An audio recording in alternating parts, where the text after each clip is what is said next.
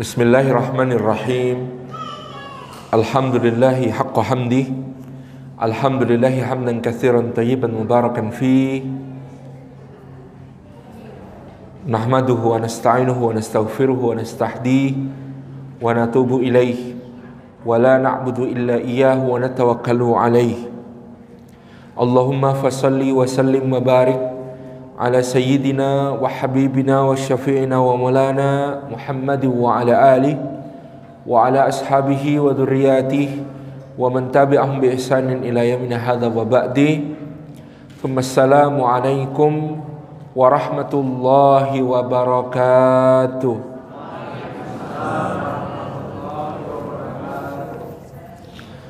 حضرة الأفاضل para alim, para ulama, para asatid, para ustadzat, guru-guru umat yang senantiasa kita harapkan bimbingannya, hadratul mukarramin, para sesepuh, para tokoh masyarakat, para pemimpin berbagai tingkatan, dan jamaah sekalian rahimani wa rahimakumullah.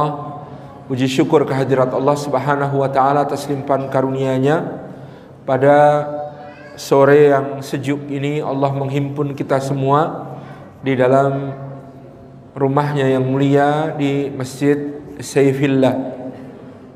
Ketepatan kok sama-sama fillah dengan yang ditugaskan mengisi kajian. Alhamdulillahirabbil alamin. Mudah-mudahan setiap langkah yang kita tempuh ke rumah Allah ini tiap tapaknya menggugurkan dosa-dosa kita, meninggikan derajat kita di sisi Allah Subhanahu wa taala dan menjadi pemudah jalan kita semua menuju ke surga. Dan duduk kita semua semoga termasuk dalam sabda Rasulullah sallallahu alaihi wa alihi wasallam majtama'a qaumun fi baitin min buyutillah yatluna kitaballah wa yatadarasunahu bainahum illa ghasyiyatuhumur rahmah wa haffatsumul malaikah wa nazalat alaihimus sakinah wa dzakarahumullahu fi man 'indah rawahu muslim sahih. Tidak berhimpun satu kaum di satu rumah di antara rumah-rumah Allah. Di dalamnya mereka membaca kitab Allah dan mengkaji isinya di antara mereka. Melainkan keadaan mereka itu dicurah-curahi rahmat Allah. Dinaungi sayap-sayap malaikat Allah. Diturunkan sakinah ke dalam hati mereka. Dan disebut-sebut nama mereka semua oleh Allah Subhanahu wa taala dengan bangga pada makhluk-makhluk mulia yang ada di sisinya. Mudah-mudahan kita semua mendapatkan semua keutamaan tersebut di dalam majelis sore yang berbahagia ini.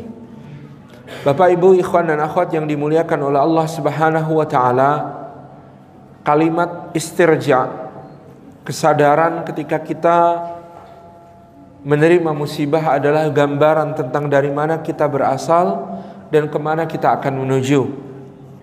Di mana orang-orang yang diuji oleh Allah Subhanahu wa taala dengan musibah walanabluwannakum bisyai'in minal khawfi wal ju'i wa naqsim minal amwali wal anfusi wal thamarat wa basyiris sabirin man as-sabirun. Siapakah yang dimaksud orang-orang sabar yang mereka menerima dari Allah ujian balak cobaan berupa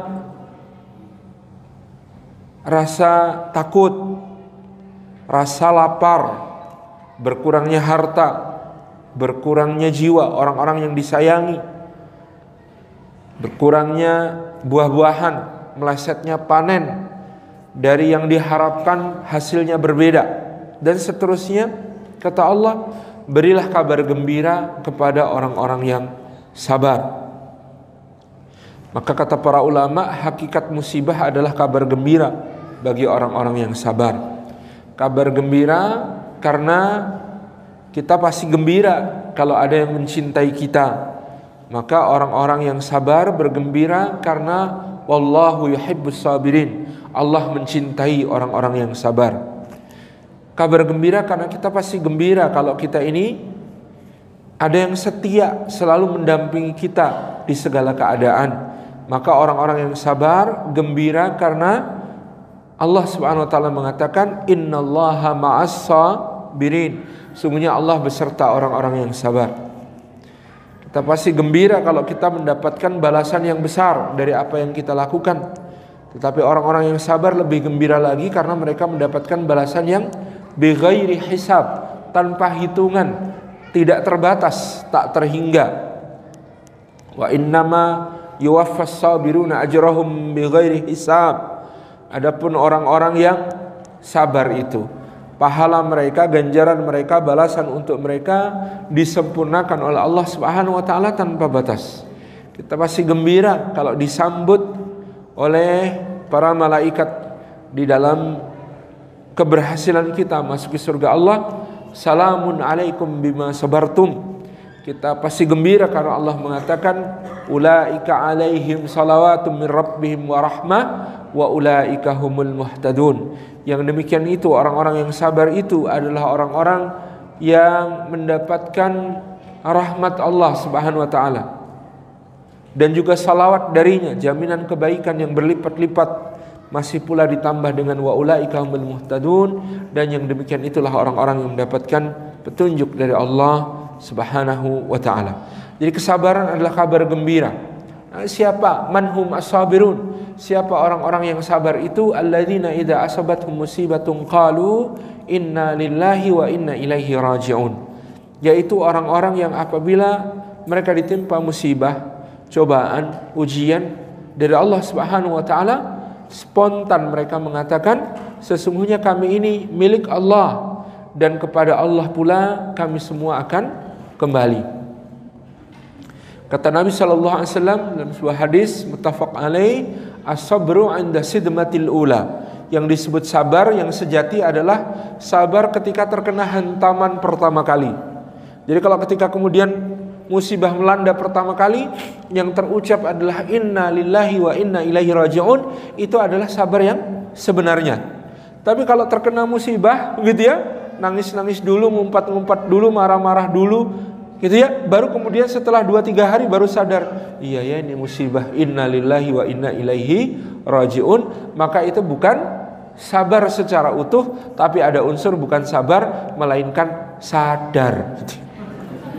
Jadi baru sadar tiga hari kemudian bahwa ini adalah musibah, bahwa ini adalah ujian. Karena memang menyadari di saat terjadi musibah itu menghantam itu memang bukan hal yang mudah. Tapi Rasulullah mengatakan itulah kualifikasi sabar yang sebenarnya yaitu as-sabru inda sidmatil ula.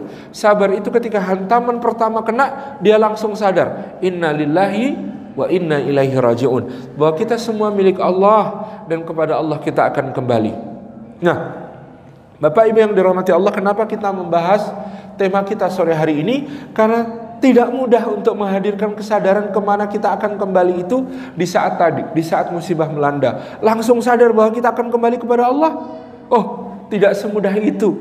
Kadang-kadang kita kemudian merasakan musibah ini sebagai kemalangan. Saya salah apa? Saya dosa apa? Kok saya begini-begini? Saya nggak terima. Saya ini, saya itu tidak langsung kemudian menyadari bahwa kita ini milik Allah. Kalau milik Allah, terserah Allah mau diapain juga. Dan ketika Allah memperlakukan kita dengan satu takdir, maka kita selalu membingkai takdir kita dengan empat sisi yang tidak boleh lepas. Bahwa Allah Maha Tahu, tidak pernah bodoh, bahwa Allah Maha Benar, tidak pernah keliru, bahwa Allah Maha Adil, tidak pernah dolim, bahwa Allah Maha Bijaksana, tidak pernah sembarangan. Kan gitu? Ketika kita punya kesadaran itu, semuanya kita milik Allah. Maka Allah itu yang mengatur takdir kita, yang mengatur segala urusan kita, yang menempatkan kita di satu tempat. Allah itu maha tahu, tidak pernah bodoh. Ini bukan karena Allah nggak tahu nih kok saya ditempatkan di sini. Pasti Allah tahu. Ini Allah benar gak nih? Pasti benar karena Allah itu maha benar tidak pernah keliru. Jangan-jangan salah nih saya ditempatkan di sini. Gak mungkin Allah maha benar tidak pernah keliru. Wah, Allah menganiaya saya ini mendolimi saya. Gak mungkin karena Allah maha adil tidak pernah zalim kepada hamba-hambanya. Wah, Allah ini sembarangan nih naruh saya di sini. Enggak, karena Allah maha bijaksana tidak pernah tidak pernah tanpa hikmah di dalam memberikan ke semua takdirnya. Jadi kesadaran itu kesadaran yang sangat mahal. Innalillahi. Kita semua miliknya Allah. Di dalam kesadaran bahwa kita semuanya miliknya Allah, ya terserah Allah. Mau diapain juga kita miliknya Allah. Mau kita hanya hamba. Tapi itu tidak berarti Allah sewenang-wenang pada kita. Allah seenaknya pada kita. Enggak sama sekali karena Allah maha tahu tidak pernah bodoh. Allah maha benar tidak pernah keliru. Allah maha adil tidak pernah zalim. Allah maha bijaksana tidak pernah sembarangan. Keyakinan innalillah. Wa inna ilaihi raji'un dan kepada Allah kita akan kembali berarti semua respon yang kita berikan pada apa yang ditakdirkan Allah itu itu yang akan kita pertanggungjawabkan kepada Allah ketika kita kembali kepadanya. Respon kita terhadap keadaan itu yang akan kita pertanggungjawabkan kepada Allah. Apakah ketika mendapatkan nikmat kita bersyukur ataukah kufur? Apakah ketika menerima musibah kita bersabar ataukah kita putus asa? Semua itu yang akan kita pertanggungjawabkan kepada Allah. Apakah hati kita berprasangka baik atau buruk kepada Allah? Apakah kemudian kita menerima dengan ridha atau dengan penuh keluh kesah dengan komplain? Itu semua yang akan kita pertanggungjawabkan kepada Allah. Jadi ini ketika kemudian kita sudah tahu bahwa kepada Allah kita akan kembali maka cara kembali kita yang kemudian perlu kita perhatikan di dalam kehidupan.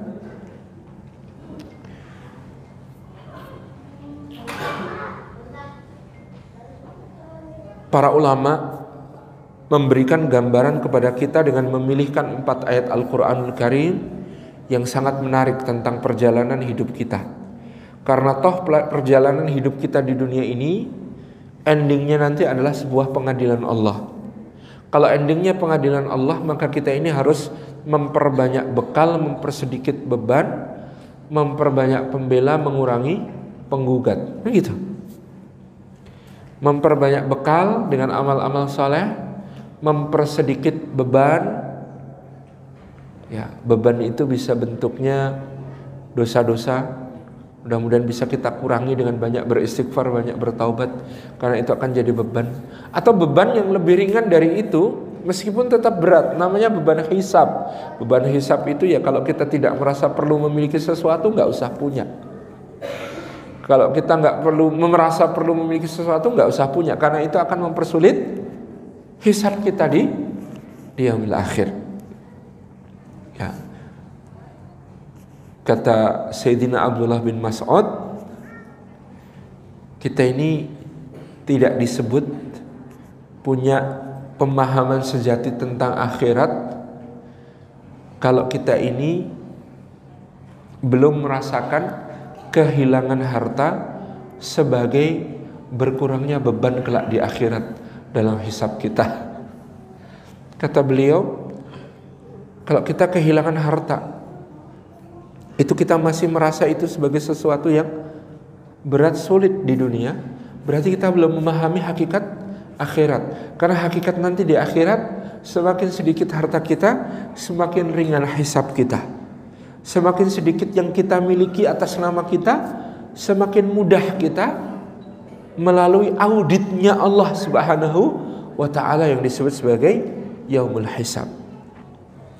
Memperbanyak bekal berupa amal saleh mempersedikit beban yang berupa dosa-dosa terlebih-lebih juga mungkin barangkali hal-hal yang bisa merumitkan urusan kita di akhirat dari apa-apa yang kita miliki. Memperbanyak teman yang akan membela. Memperbanyak saudara di jalan Allah yang bisa memberi syafaat. Memperbanyak orang-orang yang saling cinta dengan kita karena Allah Subhanahu wa taala. Itu hakikatnya memperbanyak pembela.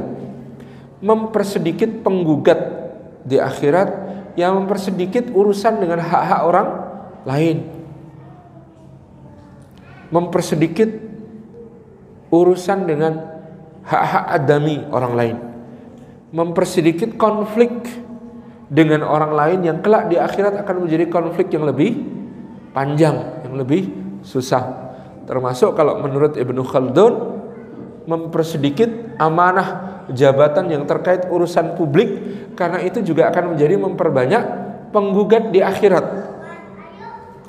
Bayangkan Anda jadi presiden Republik Indonesia, lalu katakanlah ya tidak semua, tapi separuh aja deh dari yang Anda pimpin itu merasakan ketidakberesan di dalam Anda memimpin, maka kira-kira kalau sekarang Anda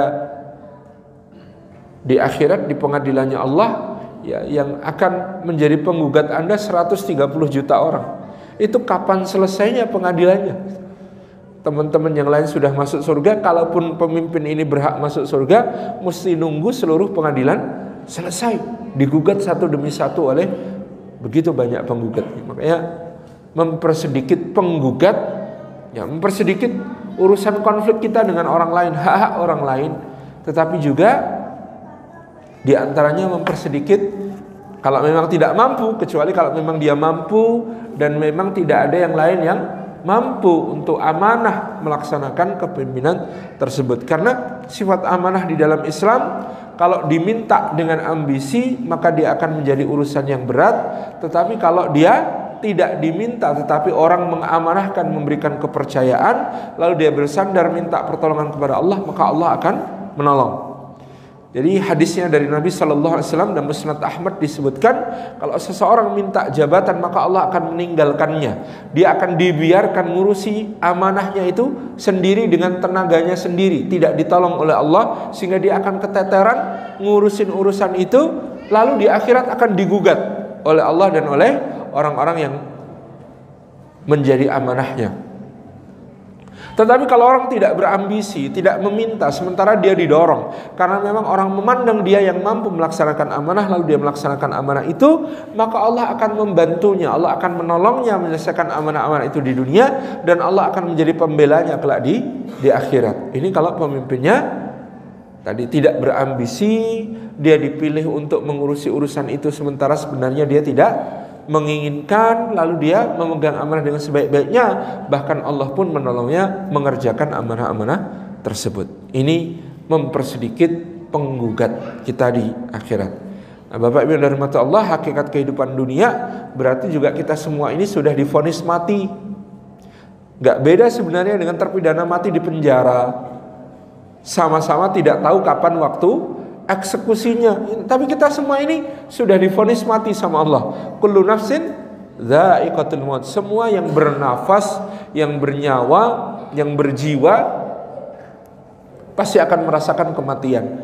Jadi semua kita sudah difonis mati, hanya tidak tahu kapan eksekusinya. Ada waktu yang tersisa itu, itulah yang kita manfaatkan betul-betul untuk tadi memperbanyak bekal, mempersedikit beban, memperbanyak pembela, mengurang-urangi orang yang punya potensi menggugat atau menjadi uh, penuntut kita kelak di dalam pengadilannya Allah Subhanahu wa taala.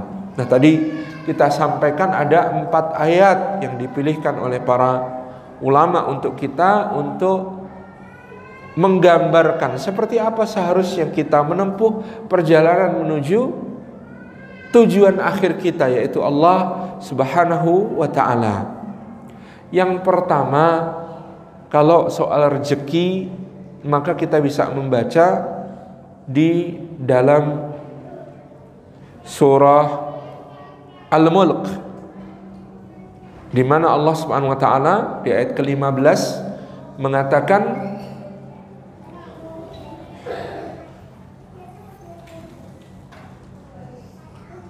Huwallazi ja'ala lakumul arda zalula famshu fi manakibiha wa kulu mir rizqi wa ilaihin nusyur Huwallazi ja'ala lakumul arda zalula Dialah Allah yang menjadikan untuk kalian bumi ini sebagai sesuatu yang ringan, yang jinak, yang lembut berada di bawah telapak kaki kalian.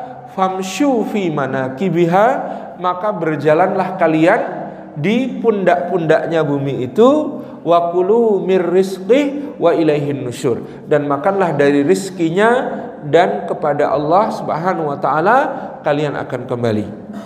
Kalau soal rezeki di surah Al-Mulk ayat ke-15 ini soal rezeki itu famshu maka berjalanlah.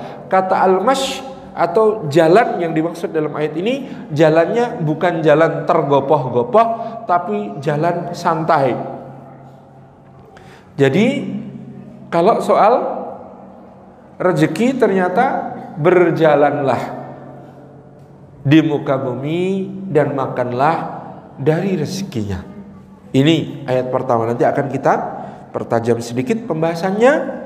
Yang kedua di surah Al-Jumu'ah ayat ke-9 Allah menyebutkan kalau soal ibadah yang mahdah sifatnya ditentukan oleh Allah waktunya maupun tata caranya maka kalimatnya Ya ayyuhalladzina amanu idza nudiya lis-salati min yaumil jumu'ati fas'au ila dzikrillah wa dzarul bai' Dzalikum khairul lakum in kuntum ta'lamun. Wahai orang-orang yang beriman apabila dipanggil untuk menunaikan salat dalam konteks ayat ini di hari Jumat, apa perintah Allah di situ?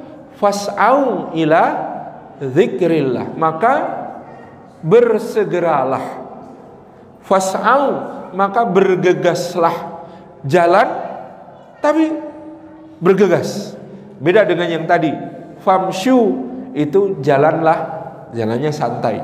Tapi kalau fas'au bergegaslah. Bersegeralah. Fas'au ila zikrillah bersegeralah untuk mengingat Allah.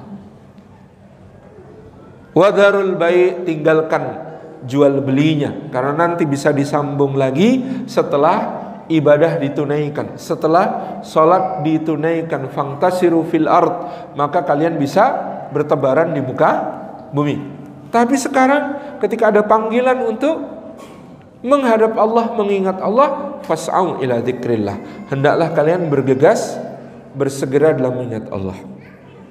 Yang ketiga, di dalam surah Ali Imran, kalau urusannya soal ampunan Allah, wasari'u ila maghfiratin min rabbikum wa jannatin araduha samawati wal ard uiddat lil muttaqin. Allah mengatakan wasari'u dan berlomba-lombalah bersih cepatlah satu sama lain menuju kepada ampunan Allah dan surga yang seluas langit dan bumi disediakan bagi orang-orang yang bertakwa. Soal rezeki berjalanlah, soal ingat Allah bersegeralah, kalau soal ampunan Allah berlomba-lombalah. Apa bedanya?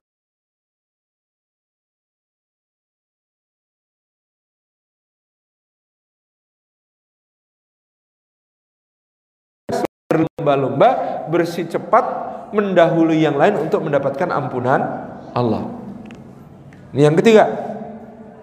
Yang keempat di surah Az-Zariyat ayat 51 kalau sudah jelas tujuannya adalah Allah Subhanahu wa taala soal urusan dengan Allah fafirru ilallah maka berlarilah menuju Allah Ke mana tujuan hidup kita? Kepada Allah. Bagaimana caranya menuju kepada Allah? Larilah menuju Allah.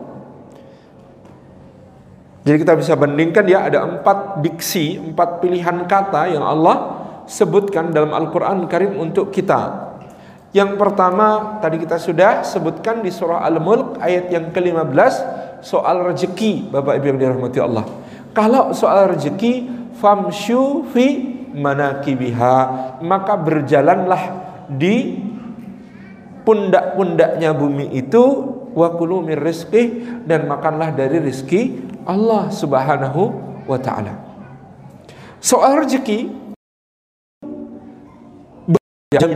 Allah Subhanahu wa taala. Wa ma min dabbatin fil ardi illa 'ala Allahi rizquha dan tidak ada yang melata di atas bumi melainkan Allah yang menjamin rizkinya.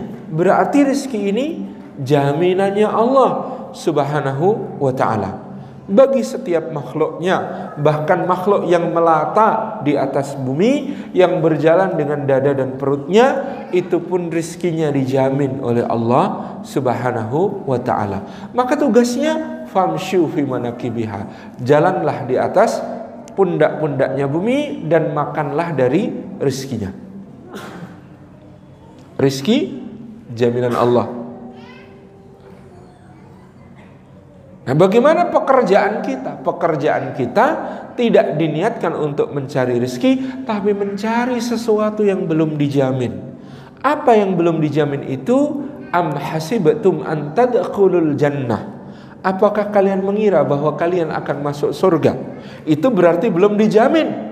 Kalau wa ma min dabbatin fil ardi illa Allah rizquha, tidak ada yang melata di atas bumi melainkan Allah menjamin rizkinya, jaminan. Rizki jaminan. Sementara yang namanya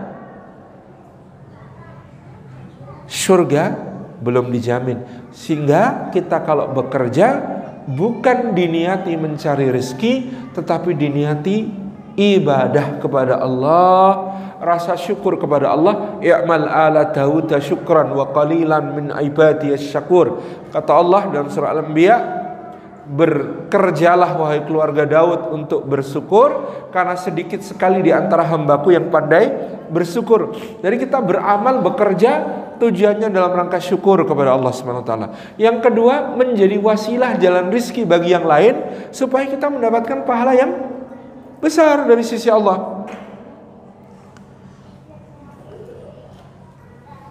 Ada seorang ulama Dia bertemu dengan gurunya Ibrahim bin Adham Si murid ini berkata Mulai sekarang wahai guru Saya hanya akan beribadah kepada Allah Tidak perlu bagi saya Memikirkan rezeki saya Karena Allah menjamin rizki setiap hamba apa yang baru saja kau alami? Tanya Ibrahim bin Adham sehingga engkau berkesimpulan demikian mau beribadah terus tidak usah bekerja. Karena saya melihat ada seekor burung yang sayapnya patah. Burung itu tidak punya daya apa-apa. Tapi ternyata Allah memang menjamin rizki setiap makhluk. Saya tungguin burung itu, ternyata ada seekor burung lain datang membawakan makanan lalu disuapkan kepada burung yang sayapnya patah itu. Itu bukti bahwa Allah menjamin rizki setiap hamba. Maka meskipun burung yang sayapnya patah itu tidak bekerja, tidak memburu rizkinya, rizki itu datang kepadanya. Saya sama, saya sekarang akan mulai hanya fokus saja melakukan ibadah mahdah, tidak perlu bekerja. Kata Ibrahim bin Adham apa Pak? Kenapa engkau bercita-cita menjadi burung yang sayapnya patah? Kenapa engkau tidak bercita-cita menjadi burung yang datang untuk membawakan makanan bagi burung yang sayapnya patah?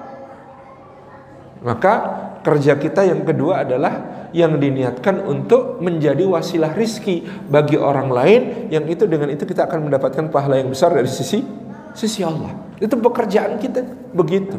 Menjadi jalan rizki bagi anak, jalan rizki bagi istri, jalan rizki bagi tetangga, bagi anak yatim, bagi fakir miskin, bagi orang-orang lain. Ini akan menjadi kemuliaan di sisi Allah Subhanahu wa taala. Jadi bekerja itu ibadah, kalau ibadah itkon ihsan ikhlas.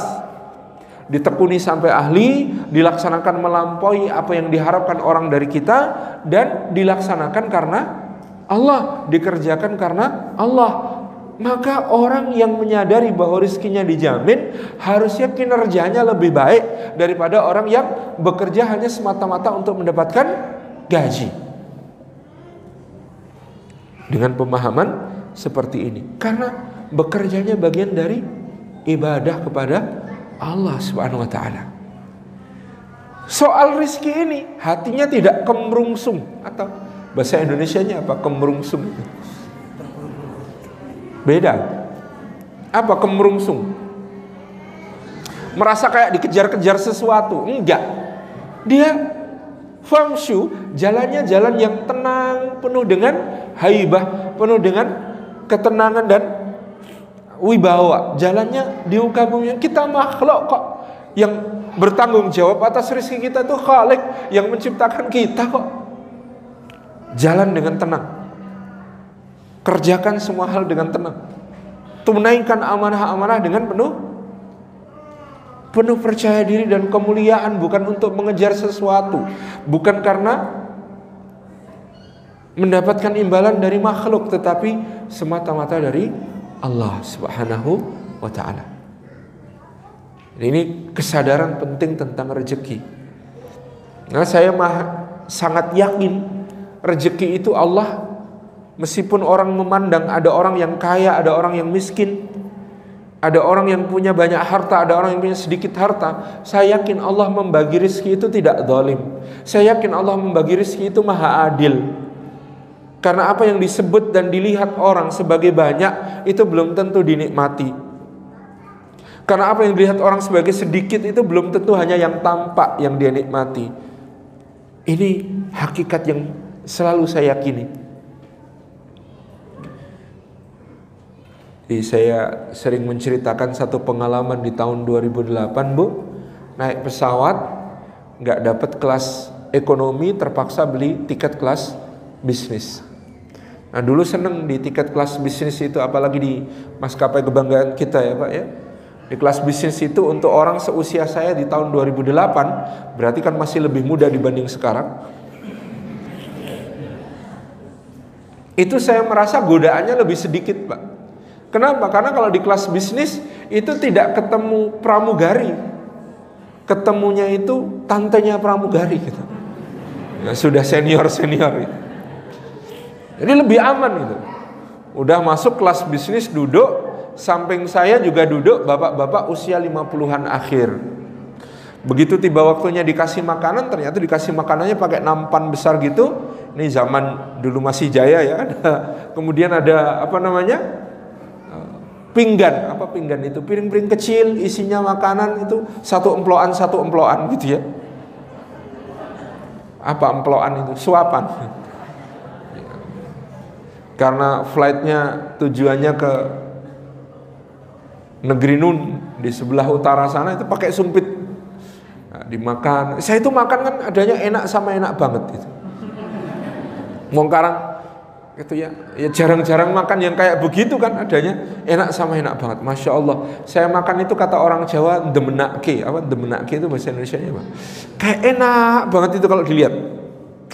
Sebelah saya si bapak-bapak tadi itu itu ya memandangi saya dengan pandangan senewan sambil pegang gelas isinya air putih. Saya tanya loh pak nggak makan pak? Buatan dahar pak. Kok tidak makan? Apa kata si bapak itu nasib edek oh, nasib gimana pak? Dulu waktu muda itu pengen makan enak nggak kuat beli dek sekarang itu ada uangnya tapi malah nggak boleh dek sama dokter.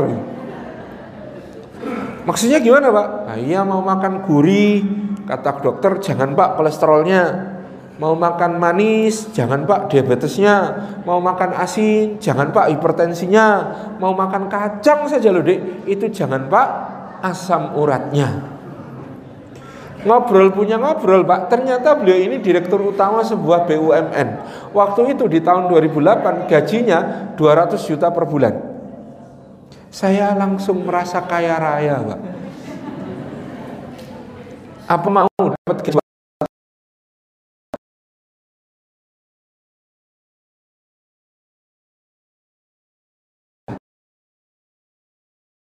Oh, nah saya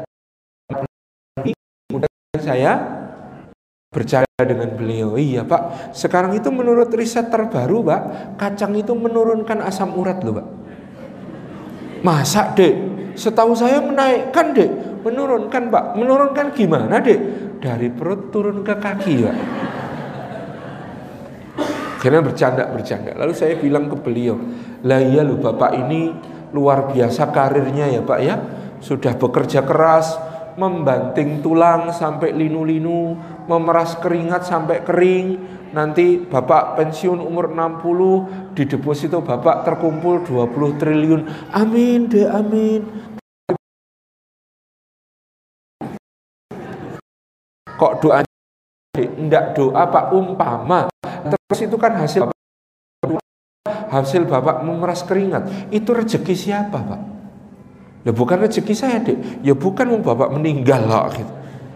Rezeki anak-anak saya boleh jadi tapi ya tidak selalu pak. Wong Allah itu nggak kekurangan cara untuk mendistribusikan apa yang bapak peroleh itu kepada semua yang sudah tertulis di Lauhil Mahfud bahwa akan mendapatkannya. Barangkali juga termasuk saya pak.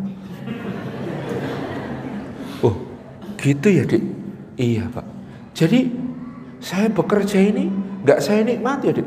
Kesimpulan Bapak bukan kesimpulan saya. Terus gimana dik hidup itu seharusnya? Ya hidup itu pak yang namanya harta jangan ditinggal di dunia pak. Kalau punya harta itu sebaiknya dibawa mati. Bu, sampean ustadz tadi? Bukan pak saya cuma santri. Ulama ya? Bukan pak saya ubaru. Kalau bukan ulama berarti ubaru ya. Saya ubaru pak. Oh kalau kata ustadz, ustadz itu kiai-kiai itu katanya harta nggak bisa dibawa mati itu deh. Oh itu teori lama pak. Kalau teori baru harta itu bisa dibawa mati.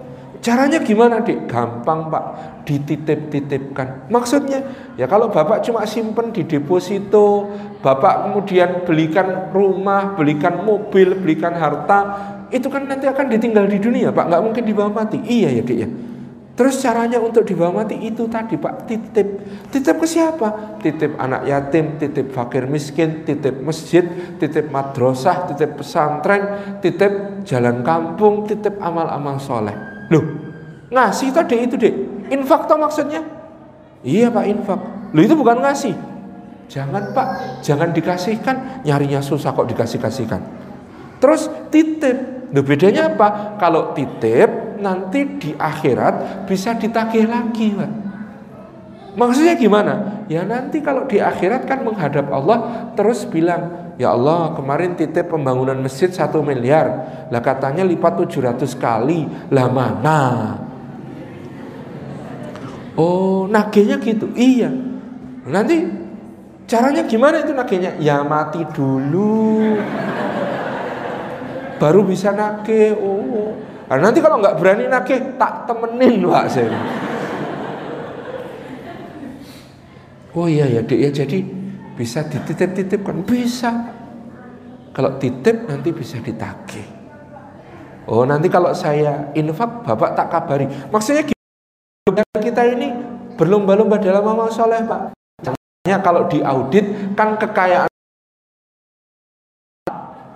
Nah nanti kalau saya infak satu juta, bapak saya kontak, nanti bapak infak satu miliar.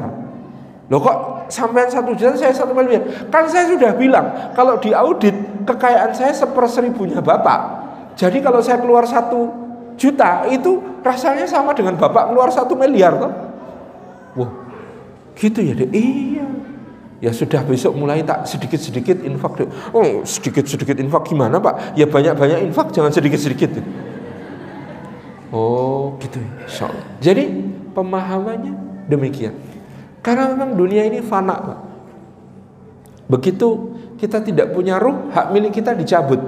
Kalau di Jogja itu Kalau hari ini meninggal Memakamkannya kok besok Itu ada pengumuman dari ahli waris. Jenazah almarhum Bapak Fulan akan disemayamkan atau kalau bahasa Indonesia disemayamkan bahasa Jawanya itu badai dipun inepaken akan diinapkan di rumah duka ini jalan ini nomor ini. Pertanyaannya Bu, kalau Anda diinapkan, diinapkan itu di rumah sendiri apa di rumah orang? Status kalimat itu, diinapkan itu di rumah sendiri di rumah orang? Nginep itu kan di rumah orang. Kalau di rumah sendiri kan tidak disebut nginep. Tapi ini orang, rumah itu masih sertifikat atas nama dia. Dulu yang bangun juga dia dari batu pertama sampai Sekali lagi, ini soal rezeki itu menurut saya bukan soal punya apa, punya berapa, tetapi soal menikmati, Pak. Makanan lezat, harganya mahal, racikan chef terkenal bisa dibeli, bisa dibayar. Tapi nikmatnya makan itu Allah yang bagi-bagi kok. Ibu-ibu kalau ke Paris, ke Paris, ke Perancis, di kota Bawi, ibu kota Perancis itu ada seorang chef namanya Chef Dudonyong. Kalau di review Michelin bintang 3 plus plus plus itu best of the best chef gitu. Nah kalau mau makan racikan pasti beberapa bulan sebelum dia nggak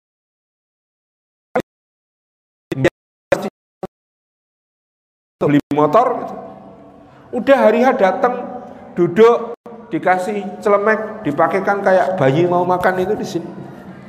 Nanti keluar hidangan pertama, appetizer. Itu nggak tahu hewan laut apa pak. Mentan taruh di tengah ditaburi nggak tahu biji-bijian apa gitu ya. Sama dedaunan apa suruh makan. Keluar kedua sop. Sopnya bening kayak koboan keluar ketiga gitu ya Mari sampai main course, main course-nya itu daging le masak ora mateng pak, setengah mateng setengah mentah di tengah-tengah itu, kemudian nggak tahu dikasih saus apa, seret seret seret seret gitu ya, sama ada irisan rumput-rumputan di situ. Apakah enak? Tergantung. Allah satu jam menjelang makan sakit giginya kambuh. Allah hari di mana pesanan itu siap ternyata sariawannya kambuh. Subhanallah. Mudah sekali Allah mencabut nikmat makan itu mudah sekali. Tapi petani di Gunung Kidul mencangkul dari jam 7 sampai jam 10 Jam 10 istrinya datang Bawa tenggok, bakul di belakang punggungnya isinya Cerek, cereknya itu berisi teh panas, wangi, sepet, legi, kental ditambah nasi ketan ditaburi parutan kelapa. Masya Allah habis mencangkul tiga jam disilingkan wedang. Siling itu bahasa Indonesia Pak. Dituangkan minum gitu ya. Kemudian diminum Pak. Gelegek gelegek gelegek. Begitu mau makan ternyata tangannya kotor. Disuapin sama istrinya nasi ketan ditutul-tutulkan ke parutan. Kemudian menikmati makan. Jadi nikmatnya makan Allah yang bagi ranjang yang empuk pak. Kasur yang paling nyaman. Kamar paling mewah. Layanan hotel terhebat. Bintang 7 kalau kata Burj Al Arab itu. Satu-satunya hotel bintang 7 di dunia. Di situ dijamin tidurnya nyenyak kalau saya nggak bisa tidur pak. Mikir baik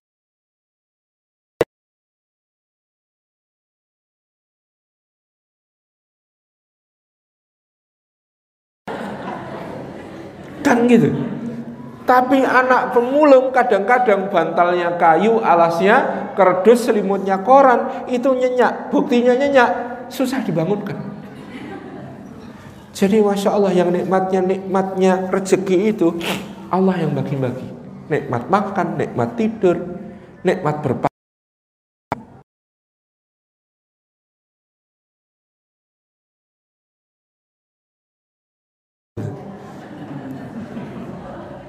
Mau pakai yang mana?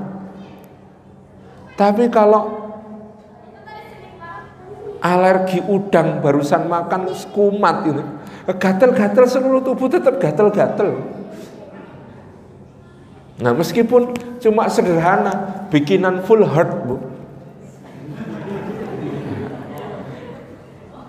Tapi kalau nyaman ya nyaman-nyaman saja. Alhamdulillah. Jadi nikmatnya itu Allah yang bagi bagi. Sangat-sangat relatif dan nisbi. Maka itulah rezeki. Kadang-kadang membaginya pun Allah itu suka lucu. Kalau kita pikir-pikir saya bulan Februari unit tapi orang naik pesawat Pak. Karena hyperfobia punya rasa takut terhadap ketinggian. Jadi kayak rumah makan itu nggak bisa tidur di kasur kasur kapuk randu, kasur kapuk kapas, kasur busa, kasur palimbangan, kasur spring bed, kasur pegas, pegasnya yang pegas berbentuk keong sampai berpegas berbentuk silinder, semua sudah dicoba dan tetap punggungnya sakit. Satu-satunya alas tidur yang bikin punggungnya tidak sakit, tidak bikin punggungnya sakit adalah alas tidur berupa tikar pandan buatan Muntilan Kabupaten Magelang. Itu diundang ke Jakarta ngisi sarasean tentang usaha kecil menengah jadi pembicara diinapkan sama panitia di Presidential Suite hotel bintang 5 terbaik di Jakarta. Masuk kamar buka koper gelar tiker jadi memang Masya Allah yang namanya rezeki itu soal yang kita harus sangat santai mikirnya digambarkan oleh Allah. Fi manakibiyah. Jalan aja jalan. Eh santai. Tapi soal bekerja, kita bekerja serius dalam rangka ibadah, dalam rangka syukur kepada Allah, dalam rangka cari pahala dengan di antaranya menjadi jalan rezeki bagi orang lain. Masya Allah, ini yang ikan kita praktekkan. Jadi kalau soal rezeki, santai Pak. Santai itu tidak berarti berangkatnya terlambat. Itu namanya bukan santai, itu namanya malas. Beda. Gitu ya, yang dimaksud santai ya benar-benar santai karena penuh persiapan. Gitu ya, kita sudah yakin yang namanya Allah membagi rezeki tidak akan dolim. Alamat rezeki tidak akan nyasar. Waktu datangnya rezeki tidak akan telat. Sudah semuanya sudah sudah diatur oleh yang maha pengatur yang terbaik mengatur. Maka santainya adalah soal tidak kemerungsung, tidak merasa dikejar-kejar oleh sesuatu yang yang kemudian membuat kita merasakan Allah itu sempit dalam memberi rezeki. Allah itu luas kok rezekinya. Ini yang menjadi keyakinan kita. Famshu fimanaki bihar. Maka berjalanlah dan makanlah dari rezekinya. Ini yang pertama. Yang kedua, tadi Allah mengatakan di surah Al-Jumu'ah ayat yang ke-9, fas'au ila dzikrillah wadarul baik. Maka kalau soal ingat kepada Allah, fas'au bersegeralah, bergegaslah. Kayak orang sa'a, yas'a, sa'i. Itu orang sa'i itu kan ada lari-lari kecilnya. Karena bergegas. Karena Jalannya bukan jalan yang santai. Ini menuju pada panggilan yang maha penting, panggilannya Allah Subhanahu wa taala di wakfah-wakfah kita, di terminal-terminal perhentian yang kemudian kita nikmati.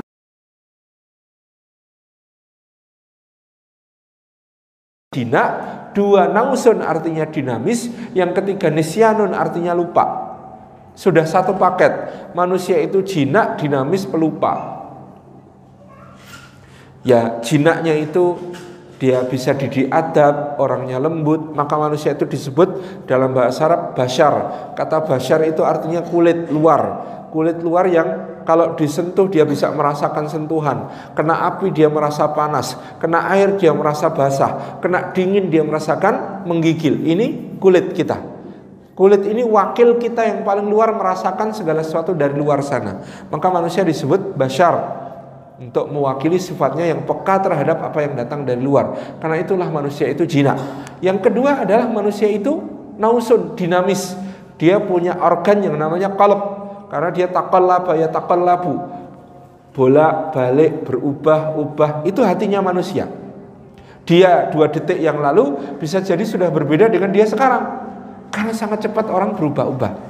Maka dia bisa mempelajari skill-skill baru, mengembangkan diri dan lain sebagainya karena dia nausun, dinamis. Yang ketiga nisyanun, dia itu lupa.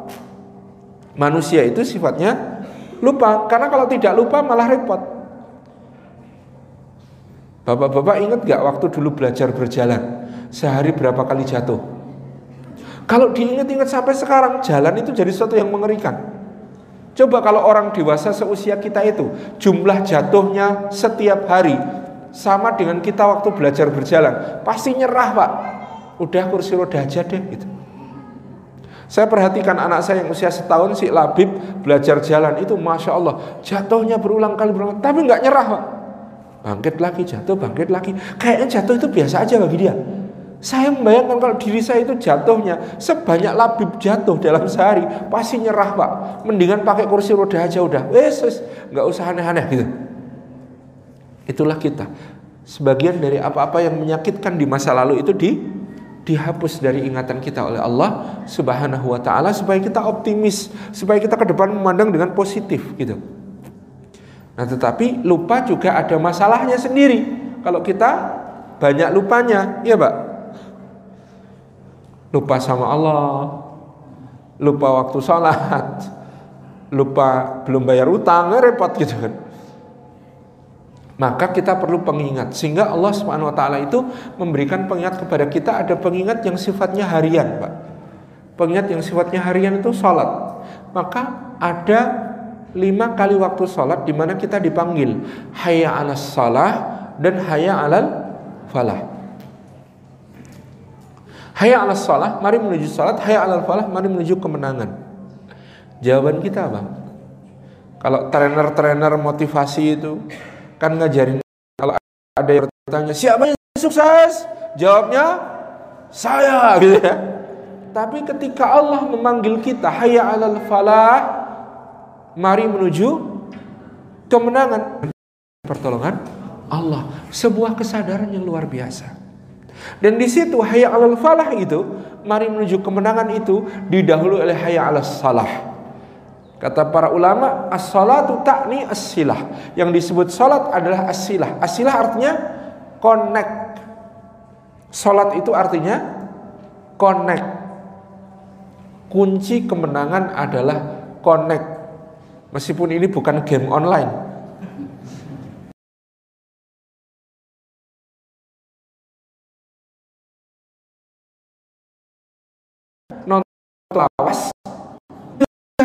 Atau ngegame yang offline.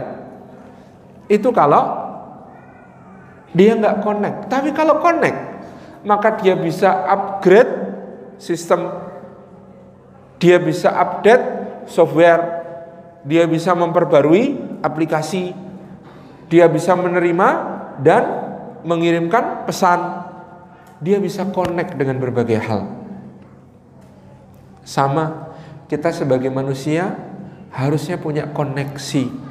Connect dengan Allah itu sehari semalam lima kali. Demi apa? Menjaga ketahanannya. Minimal dengan connect itu Inna salat tanha anil fasyi' wal munkar. Salat itu mencegah dari keji dan mungkar. Kalau salat subuh connect Konek itu bahasa agamanya lalu khusyuk sholat subuhnya maka minimal antara subuh sampai duhur kita terjaga dari perbuatan keji dan mungkar kalau sholat duhurnya khusyuk maka antara duhur sampai asar tercegah dari keji dan mungkar. Kalau sholat asarnya khusyuk maka antara asar sampai maghrib tercegah dari perbuatan keji mungkar begitu seterusnya. Ini karena konek jadi minimal kita itu punya koneksi adalah Sayyidina Muhammad sallallahu alaihi wasallam. Maka banyak-banyaklah kenal kepada Rasulullah SAW karena kenal Rasulullah berarti kenal orang dalam. Nanti kalau ditanya malaikat waktu masuk surga, eh mau ke mana? Mau masuk surga. Kok bisa amalmu sedikit, kok dosamu banyak? Loh tapi kan cinta. Cinta gimana? Cinta sama Rasulullah. Kenal, kenal. Rasulullah tuh begini, begini, begini, begini. Kenal cinta. Loh kok mau masuk? Alasannya apa? Loh kata Nabi. Kata Nabi itu seseorang akan dikumpulkan bersama yang dicintai. Kata malaikat, asyab silahkan. Karena apa? Kenal orang dalam gitu ya. Ini penting gitu ya. Kenal orang dalam ini penting. Ini yang kedua. Jadi kalau sudah urusan ingat Allah fas'au bergegaslah tinggalkan yang lain tinggalkan jual belinya tinggalkan perniagaannya tinggalkan segala urusannya saya lihat tadi di Masjid Baitul Salam ada tulisan Allah Subhanahu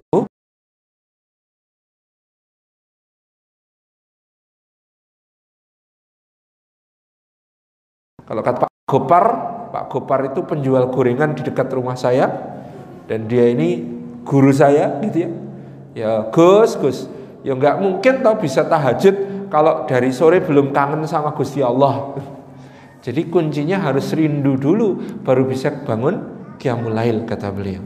Ini saya tanya beliau kok amalannya kenceng sekali? Beliau itu puasanya puasa Daud tahajudnya tiap malam penjual gorengan saya tanya kok bisa dapat motivasi gimana Pak Gopar eh, Pak Gopar cerita saya mijeti seorang kiai yang sedang berkunjung ke Pondok Kerapiak.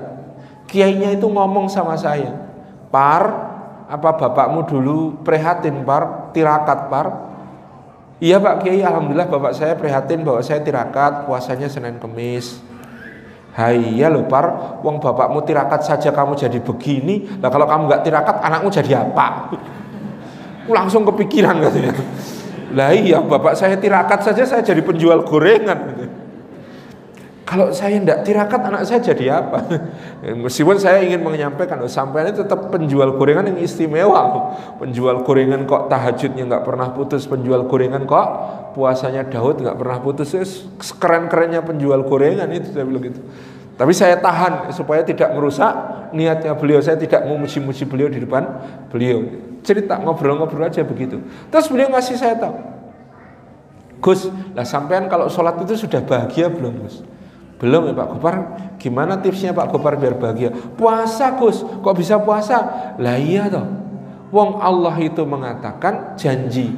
Oh iya, lewat kanjeng Nabi itu dijanjikan puasa itu bahagianya dua Gus. Bahagia saat berbuka, bahagia saat ketemu Allah. Ya ketemu Allah itu memang di akhirat Gus.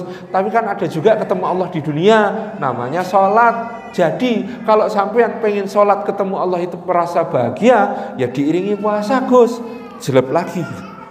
Masya Allah ini sebuah hal yang sangat indah. Fas'au, bergegas. Kalau itu panggilan Allah, kita bergegas. Hatta kita selemah-lemahnya dalam keadaan iman sedang turun, maka yang pertama catatannya jangan kehilangan yang fardu. Yang namanya fardu itu minimal harus dijaga karena fardu itu amal yang paling dicintai oleh Allah Subhanahu wa taala. Ini yang kedua. Yang ketiga tadi disebutkan dalam surah Al Imran wasari'u ila maghfiratin min rabbikum wa jannatin arduhas samawati wal ard bahwasanya kita berlomba-lomba dalam soal mendapatkan ampunannya Allah. Kalau ada orang yang tidak merasa berdosa, dialah yang paling berdosa. Ong kita ini habis sholat itu yang dibaca pertama. Habis sholat kita yang dibaca pertama dikir sebada sholat apa? Istighfar. Nah, habis sholat aja istighfar, apalagi habis maksiat kan gitu. Habis sholat saja kita dituntun untuk istighfar, kok apalagi habis habis maksiat gitu. Ini sebuah tanda betapa memang yang namanya istighfar mohon ampun kepada Allah itu sesuatu yang patut menjadi perlombaan di antara kita sampai ditegaskan oleh Imam Ibnu Rajab Al-Hambali rahimahullah taala apa kata beliau kalau kamu tidak mampu bersaing dengan orang-orang soleh dalam amal ibadahnya maka berlomba-lombalah dengan para pendosa dalam istighfarnya kalau kamu tidak mampu bersaing dengan orang-orang soleh dalam amal ibadahnya, maka berlomba-lombalah dengan orang berdosa dalam istighfarnya. Memang yang namanya istighfar ini, masya Allah. Kata Sayyidah Aisyah Ummul Mukminin radhiyallahu anha, tuba liman wajada fi kitabihi istighfaran katsira. Nanti kalau sudah tiba hari hari penyerahan catatan amal yang paling bahagia itu orang yang mendapati di dalam catatan amalnya ada banyak istighfar. Kenapa belum menyampaikan begitu? Kalau soal amal Pak, mau amal sebanyak apa pun, amal sebanyak apa pun itu dipakai untuk membalas nikmat Allah saja nggak akan impas. Tapi yang namanya Aisyah yang paling beruntung, paling bahagia kelak di hari mendapatkan catatan amal adalah orang yang mendapati dalam catatan amalnya ada banyak istighfar. Ini sebuah hakikat. Yang terakhir adalah apa yang disampaikan Allah Subhanahu wa taala dalam surah Az-Zariyat ayat ke-51 bahwa kita kalau sudah jelas tujuannya kepada Allah, kepada Allah lah kita berlari dalam kasus apa pun kepada Allah kita bergegas. Kalau itu soal maksiat berpalingnya larinya menuju Allah kayak Nabi Yusuf. Nabi Yusuf itu digoda dengan godaan yang sangat memabukkan, dengan godaan yang sangat luar biasa, berat yang dia lakukan lari pak, nggak tahu wes pokoknya nanti gimana, yang penting lari dulu. Lari pun bajunya sobek, tapi baju sobek karena lari yang sobek belakang maka itu menjadi pembela tentang saksi tentang kebenarannya. Pokoknya melayu sih kata ulama kita terdahulu kalau ada kemaksiatan lari. Kalau ada hal yang membahayakan keimanan kita lari. Lari ke mana? Fafiru ilallah. Larilah menuju Allah subhanahu wa ta'ala. Bahkan juga dalam ketaatan Nabi Musa alaihissalam itu ketika menuju Allah dia sampai meninggalkan kaumnya. Wa ajiltu ilaika rabbi litarda. Ya Allah, aku bergegas-gegas menuju engkau supaya engkau ridha kepadaku. Wa ajiltu ilaika rabbi litarda. Aku bergegas-gegas kepadamu ya Allah supaya engkau ridha. Karena apa? Karena Allah itu kalau kita datang sejengkal dia datang menyambut kita sehasta. Kalau kita datang sehasta dia menyambut kita sedepa. Kalau kita datang dengan berjalan kepadanya, maka dia datang menyambut kita dengan berlari-lari kecil. Maka kalau fafirru ilallah, berlarilah menuju Allah, kita bisa bayangkan seperti Allah, seperti apa Allah akan menyambut menyambut kita. Maka kepada Allah berlari. Hati kita berlarinya menuju kepada Allah. Hati kita menuju kepada rengkuhan Allah, menuju kepada lindungan Allah dari segala sesuatu yang menjadi ujian-ujian kita di dalam kehidupan. Ke mana arah tujuan hidup kita? Kepada Allah. Bagaimana kita menjalani hidup kita? Soal rezeki berjalan saja. Soal ingat Allah bergegas-gegas. Soal ampunan berlomba-lomba. Dan soal menuju Allah lari menuju Allah. Terima kasih. Demikian kajian kita sore hari ini. Saya kembalikan kepada pembacara. Assalamualaikum warahmatullahi wabarakatuh.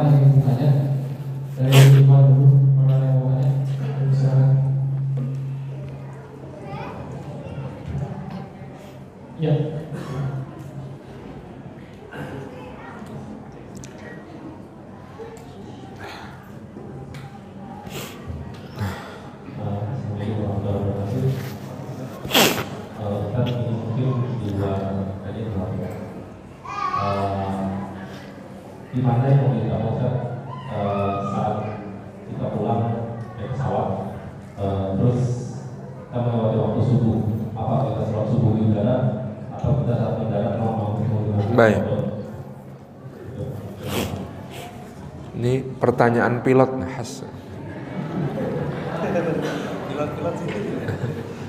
Baik, langsung dijawab atau gimana ini? Langsung. Baik. Fikirnya bagaimana kalau kita terbang melewati waktu sholat kita? Ini paling repot biasanya kalau terbangnya dari barat ke timur. Terbangnya dari barat ke timur itu kadang-kadang tanpa kita sadari waktu antar sholat itu kan dekat sekali gitu ya.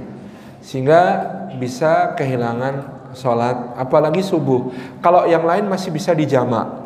Duhur bisa dijamak dengan asar. Maghrib bisa dijamak dengan isya. Tetapi sholat subuh tidak bisa dijamak. Maka yang lebih afdal menurut ulama syafi'iyah adalah sholat safar. Dalam keadaan kita berada di atas kendaraan yang kendaraan itu tidak memungkinkan untuk berhenti sejenak mampir sholat Kan nggak bisa ya di atas nggak ada rest area ya Pak ya. Jadi kita nggak bisa mampir sholat. Maka yang utama yang lebih afdal adalah sholat tepat pada waktunya dengan tata cara sholat safar. Bagaimana tata cara sholat safar? Satu, kalau masih memungkinkan menghadap kiblat, dipersilakan menghadap kiblat. Itu lebih utama. Tapi kalau tidak mungkin, tidak masalah.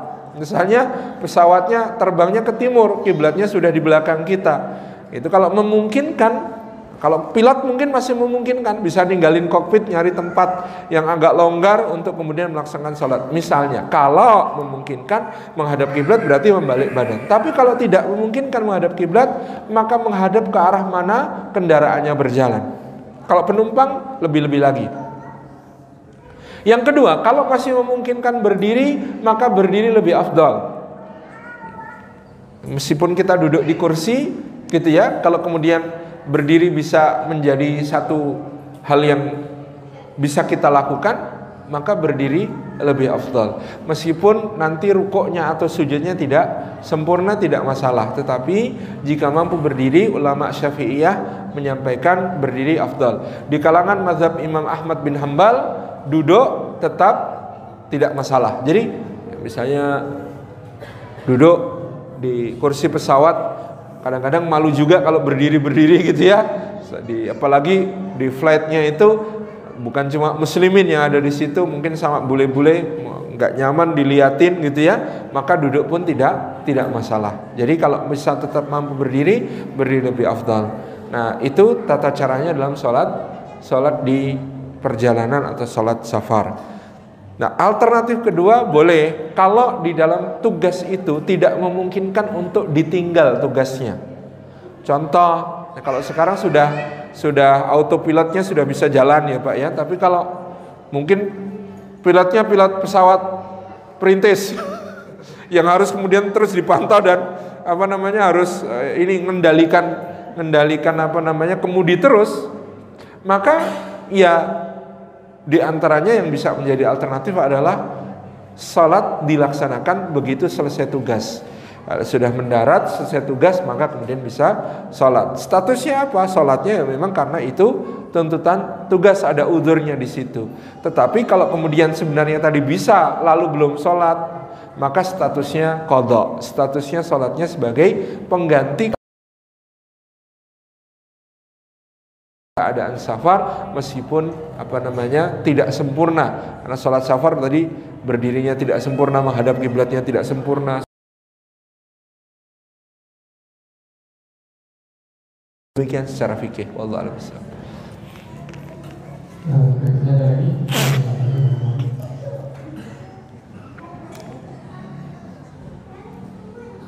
Enggak ada? Alhamdulillah. Oh masih.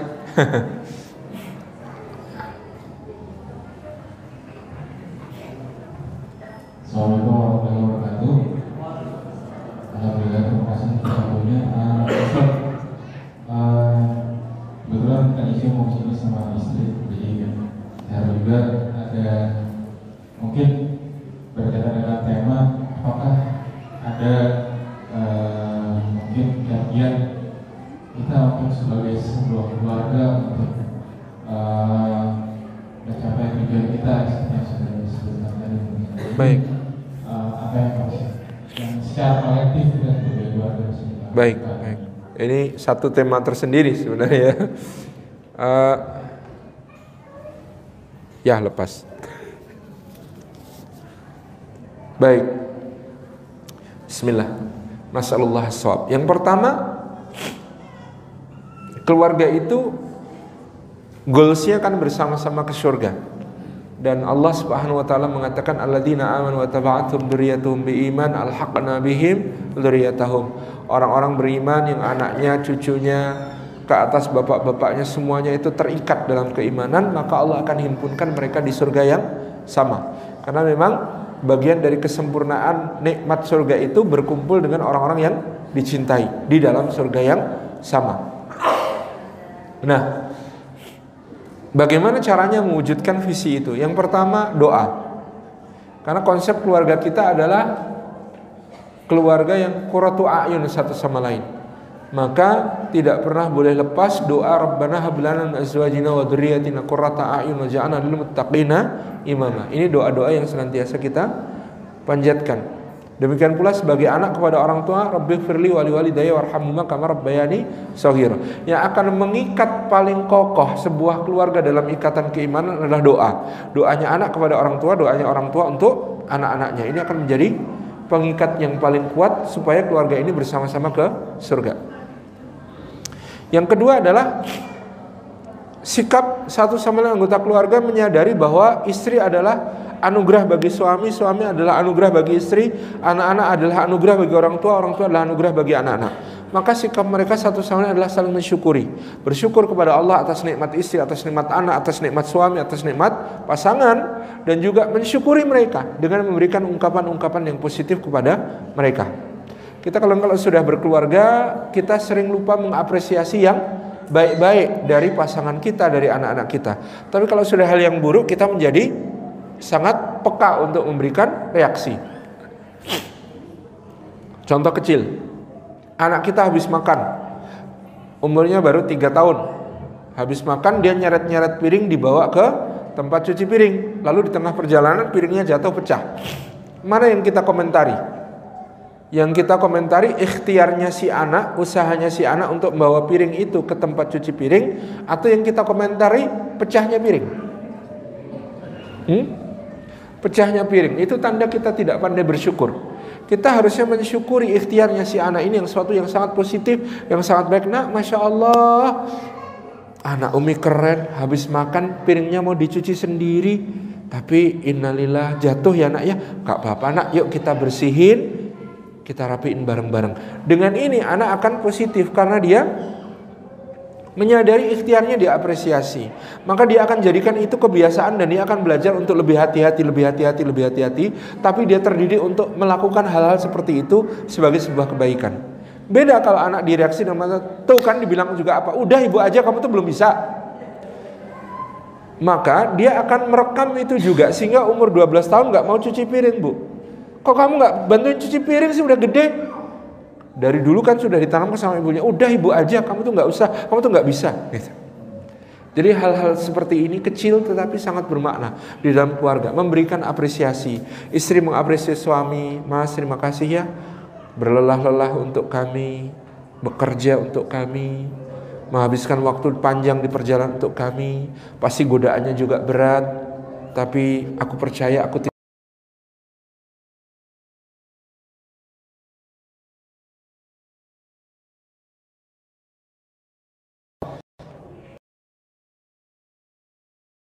bersinar. Begitu lihat kamu, semua bintangnya tak tampak lagi. Bintangnya emangnya siapa? Pramugari-pramugari. Itu bintang. Kalau kamu matahari. Ya kalau matahari sudah terbit, bintangnya terbenam. Berarti aku nanti pas tenggelam, bintangnya terbit lagi. Nah, itu urusan lain. Itu apresiasi. Jadi menghidupkan rumah tangga yang penuh dengan kesyukuran. Kalau kita periksa ayat tentang Luqman, bapak teladan, sebelum dia mengajarkan segala sesuatu yang sangat penting untuk anaknya, dari tauhid, muraqabatullah, ibadah, akhlak, adab yang diajarkan Luqman itu, poin kuncinya ada di kata-kata walaqad ataina Luqman al-hikmata anishkurlillah. Bahwa kami telah memberikan hikmah kepada Luqman, hikmah itu adalah bersyukur kepada Allah. Ini yang kedua. Dalam keluarga hidupkan suasana syukur. Yang ketiga, hidupkan suasana amanah. Sadari bahwa istri adalah titipan bagi suami, suami titipan bagi istri, anak-anak titipan bagi orang tua, orang tua titipan bagi anak-anak. Maka ada saling menjaga di situ. Saling menjaga. Istri tahu bagaimana caranya menjaga suami. Sudah tahu suaminya banyak godaan, tapi istri dandanya bukan kalau menyambut suami pulang, tapi kalau pergi ke pengajian. Repot. Jadi ini penting ada kesadaran untuk saling menjaga antara suami, antara istri, antara anak-anak, antara orang tua. Yang keempat, kesadaran bahwa satu sama lain bisa jadi ujian. Pada suatu ketika hal yang terjadi pada suami bisa menuntut istri bersabar. Pada suatu ketika hal yang menimpa istri bisa menuntut suami untuk bersabar. Demikian pula anak-anak dan seterusnya. Karena masing-masing adalah ujian yang pasti akan disabari. Yang kelima ada kesadaran waspada karena pada kondisi tertentu suami, istri, anak itu bisa jadi musuh. Kapan? Tentu bukan musuh permanen, tapi musuh temporer saat mereka sedang dibajak oleh setan. Contoh kalau ini di kompleks ASN mungkin ya, bukan di sini. Pagi-pagi terdengar suara. Tahu nggak mas sebelah itu eselon berapa? Eselon 3 mas, tahu nggak 6 tahun ini mobilnya udah ganti berapa kali? Tiga kali mas, aku tuh kayaknya istri eselon 2 Tapi dari 6 tahun yang lalu mobilnya mobil butut kayak gini sampai aku malu pergi arisan Ini kan gerakan pro korupsi nasional gitu ya Kalau sampai pagi-pagi ada suara-suara semacam itu di, rum di rumah Jadi kadang-kadang bisa menjadi musuh gitu ya Ketika kemudian dia mengajak kita untuk mendurhakai Allah dan mendurhakai amanah misalnya. Ini hal seperti ini. Jadi lima kesadaran itu yang kita bangun. Sadar ada kuratu ayun yang harus dicapai, sadar ada nikmat-nikmat yang harus disyukuri, sadar ada titipan amanah yang harus dijaga, sabar ada fitnah ujian yang harus disabari dan sabar ada mungkin satu saat salah satu di antara anggota keluarga kita dibajak oleh setan menjadi musuh yang harus kita waspadai. Terima kasih. Uh, berikutnya ada pertanyaan dari Ahmad. Ya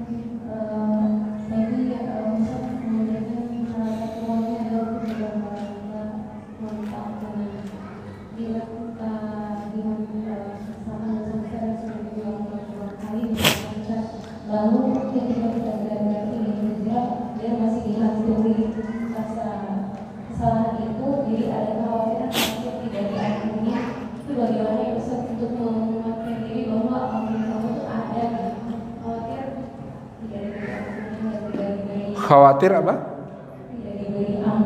Ah. Baik. Baik. Jazakumullah. Langsung ya. Jadi orang yang berjalan menuju taubat, berusaha bertaubat kepada Allah Subhanahu wa taala, penting bagi dia untuk yakin bahwa Allah itu Maha Pengampun.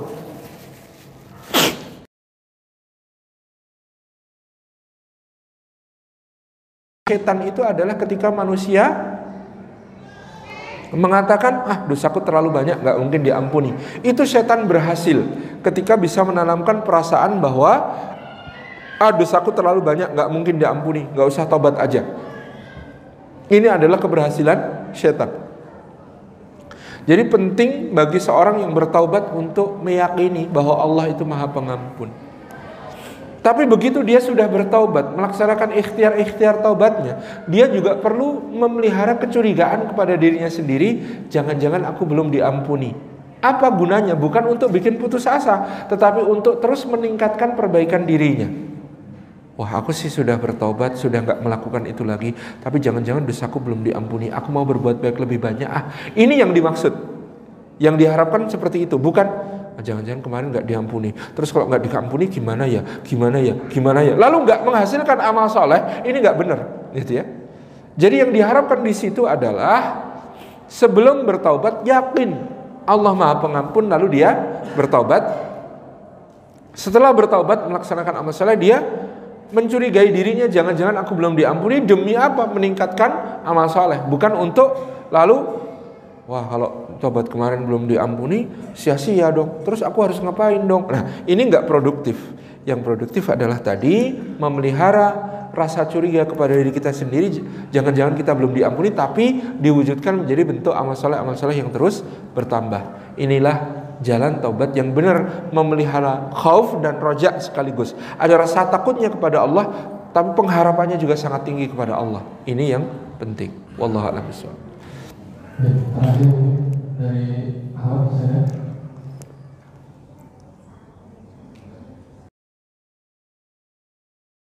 Oh, ada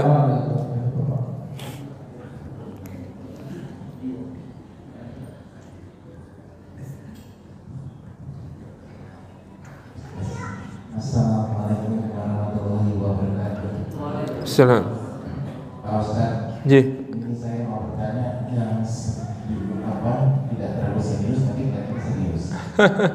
Silakan, Pak. atau fakta? Jadi saya belum bertemu dengan ayatnya, hadisnya atau apa mengenai masalah sholat di masjid. Misalkan sembilan, sembilan itu hitungannya 27 Hmm. mau di masjid haram misalnya 100 ribu saya berpikir berarti nanti yang masuk surga Mm-mm. itu apa kemungkinan orang Mekah dulu Iya iya Pak. Sebuah kerisauan yang luar biasa. Iya. Assalamualaikum warahmatullahi wabarakatuh. Masuk surga atau tidak tidak ditentukan. Pertama-tama ya pemahaman kita oleh banyak sedikitnya amal. Tetapi yang pertama-tama adalah rahmatnya Allah Subhanahu wa taala. Jadi ini bukan soal banyak-banyakan pahala juga meskipun kita harus memperbanyak amal solih tapi bukan soal banyak-banyakan pahala. Apa yang diminta Allah dari kita? Liyabluwakum ayyukum ahsanu amala. Kata ahsanu amala itu bukan aksaru amala, bukan amal yang paling banyak, bukan kumpul-kumpulan pahala paling banyak, tapi kata ahsanu amala itu yang terbaik amalnya itu ditafsir oleh para ulama akhlasuhum niatan wa atba'uhum li sunnati Rasulillah sallallahu alaihi wasallam. Akhlasuhum niatan yang paling ikhlas niatnya karena Allah wa atba'uhum li sunnati Rasulillah sallallahu dan yang paling mengikuti sunnahnya Rasulullah sallallahu alaihi wasallam. Jadi difahami di sini sebanyak apa pun amalnya manusia dan pahalanya itu tidak akan cukup untuk membayar nikmat-nikmat Allah. Maka Rasulullah mengatakan tidak ada orang yang akan masuk surga hanya dengan amal-amalnya. Lalu para sahabat bertanya, tidak pula engkau ya Rasulullah? Kata Nabi SAW, Iya, tidak pula aku, tetapi Allah merahmatiku. Maka kita ini dalam beribadah, yang kita cari rahmatnya Allah Subhanahu wa Ta'ala. Yang kita cari adalah rahmat kasih sayangnya Allah Subhanahu wa Ta'ala. Apakah itu berarti ketika kita hitung? Jadi dulu para sahabat juga pernah risau. Risaunya tentang apa, Pak? Orang kaya ini sama-sama mukimnya di Madinah gitu. Wahai Rasulullah, kami sholat, orang kaya juga sholat. Kami puasa, orang kaya juga puasa. Tapi orang kaya sodakoh, kami nggak mampu. Gitu. Ini sahabat-sahabat Rasulullah yang yang hidupnya bukan orang kaya mengatakan demikian kepada Rasulullah SAW. Maka Nabi Shallallahu Alaihi mengatakan, maukah kalian aku tunjukkan zikir kepada Allah amalan ringan tetapi berat di sisi Allah bernilai sangat besar Subhanallah walhamdulillah. Banyaknya. Maka orang-orang miskin ini pun melaksanakannya. Mereka merasa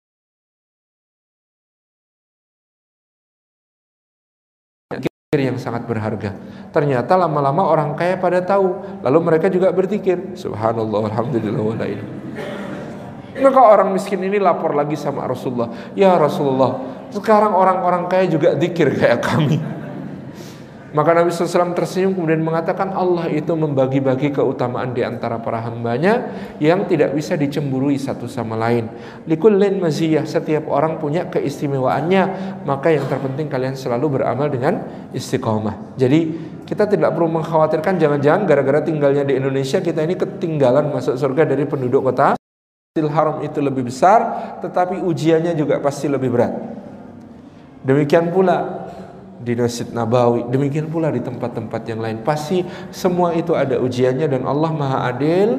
Tuh, Allah menempatkan kita di Indonesia bukan berarti peluang kita untuk mendapatkan keutamaan yang besar itu lebih tipis. Tidak masalah Pak. Kata Ibnu Qayyim Al-Jauziyah, satu amal ikhlas yang diridhoi Allah, maka seluruh isi langit dan bumi tidak akan cukup untuk menjadi balasannya. Satu saja amal yang ikhlas karena Allah dan Allah meridhoinya, kata Ibnu Qayyim, maka tidak ada isi langit, isi bumi meskipun digabung semuanya itu cukup untuk menjadi balasannya. Oleh karena itu Allah akan membalasnya kelak di akhirat. Maka kalau jadi mukmin jangan banyak-banyak berharap balasan di dunia karena amal soleh itu kalau satu ikhlas karena Allah nggak ada isi dunia yang cukup untuk membalasnya. Gitu. Jadi tenang saja Pak, tidak usah cemburu sama orang Mekah. Insya Allah no problem. Kita di sini juga akan mendapatkan keutamaan-keutamaan kita dan perhitungan pahala tidak perlu pakai kalkulator. Hari ini saya 27 kali 5 berarti 135 lumayan. itu enggak enggak perlu. Yang perlu kita lakukan terus berupaya. Yang kita perjuangkan itu memang niat. Niat ini yang paling susah dikelola sudah sukses awalnya ikhlas karena Allah gitu ya. Sudah ikhlas ketika sedang sholat, ba'da sholat, ada orang senyum sama kita terus muji, masya Allah, bapak ini sholatnya khusyuk banget, dil. Ternyata tidak mudah mengelola niat, karena yang namanya mengelola niat itu sejak sebelum, ketika bahkan pasca dan itu sangat tidak mudah. Itu saja yang kita perjuangkan. Karena satu niat ikhlas seluruh isi bumi dan langit tidak cukup untuk menjadi pembalasnya. Itu insya Allah.